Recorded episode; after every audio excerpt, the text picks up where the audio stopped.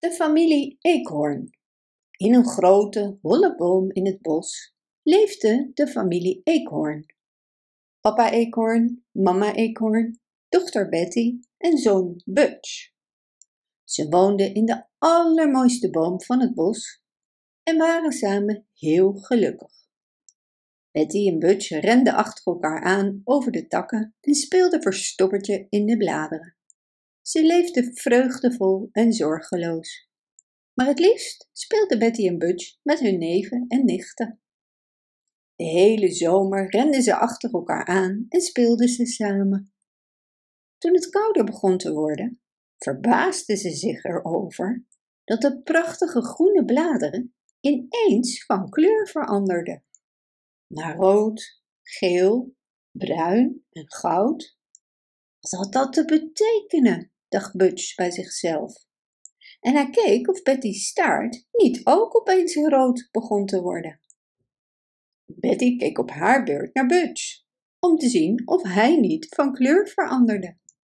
Het leek wel alsof de hele wereld anders was geworden. Alle nootjes begonnen uit de boom te vallen en papa eekhoorn en mama eekhoorn waren de hele dag druk in de weer om nootjes te verzamelen voor de winter.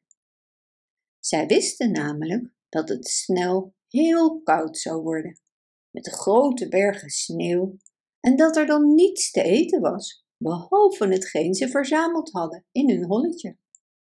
En vier hongerige monden voeden was geen eenvoudige opgave. Ze werkten daarom heel hard, maar het koude weer kwam eerder dan verwacht. En papa eekhoorn begon zich zorgen te maken of ze wel genoeg voedsel konden verzamelen voor het begon te sneeuwen. Daarom riep hij Butch en Betty bij zich en vroeg of ze hem wilden helpen met het verzamelen van nootjes. Butch vond dit maar moeilijk, omdat hij nooit geleerd had om te werken.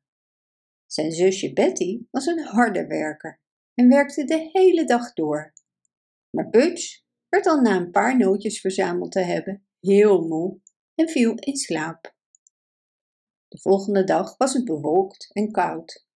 En de eekhoorns waren het met elkaar eens dat het die avond zou gaan sneeuwen. Dus gingen ze snel aan het werk. Mama en papa eekhoorn zeiden: Als we vandaag allemaal hard werken, dan hebben we voor het donker genoeg nootjes verzameld voor de hele winter. Ze begonnen allemaal verwoed te verzamelen en namen niet eens de tijd om met elkaar te praten. Het duurde daarom even voordat ze door hadden dat Butch verdwenen was en nergens te zien. De rest van de familie werkte hierdoor nog harder, want hoewel er maar drie verzamelden, moesten er uiteindelijk vier eten.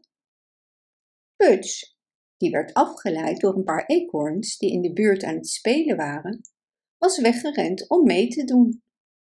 En na een spelletje tikkertje tussen de bladeren wilde hij weer terug naar huis lopen, toen hij vast kwam te zitten in een val. Twee jongens hadden deze val uitgezet en wilden Butch nu als huisdier meenemen. Arme Butch, hij was zo ontzettend bang.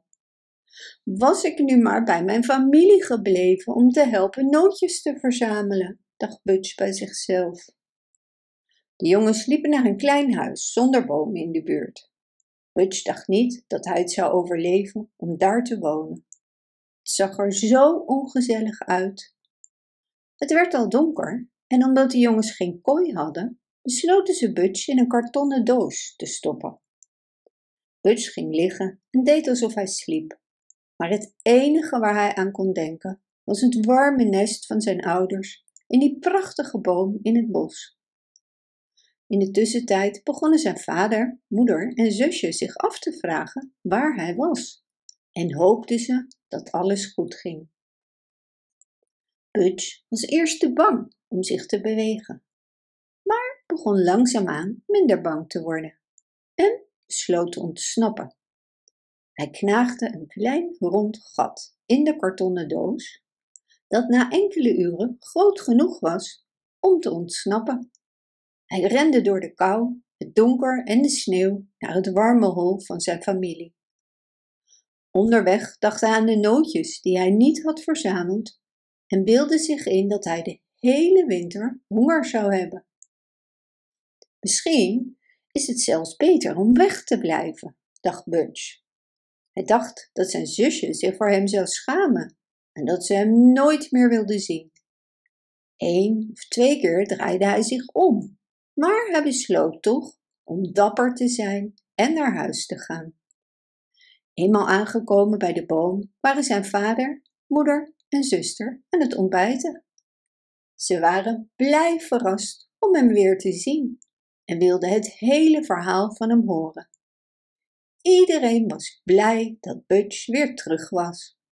Zo blij zelfs dat ze een feestmaal organiseerden ter ere van zijn terugkeer en de buren uitnodigden.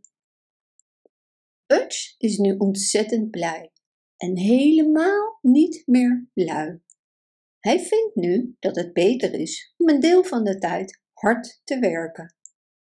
Daarom, als je nu in de herfst een eekhoorn ziet die heel hard aan het werk is, dan is het waarschijnlijk Butch, want die werkt nu het hardst van allemaal.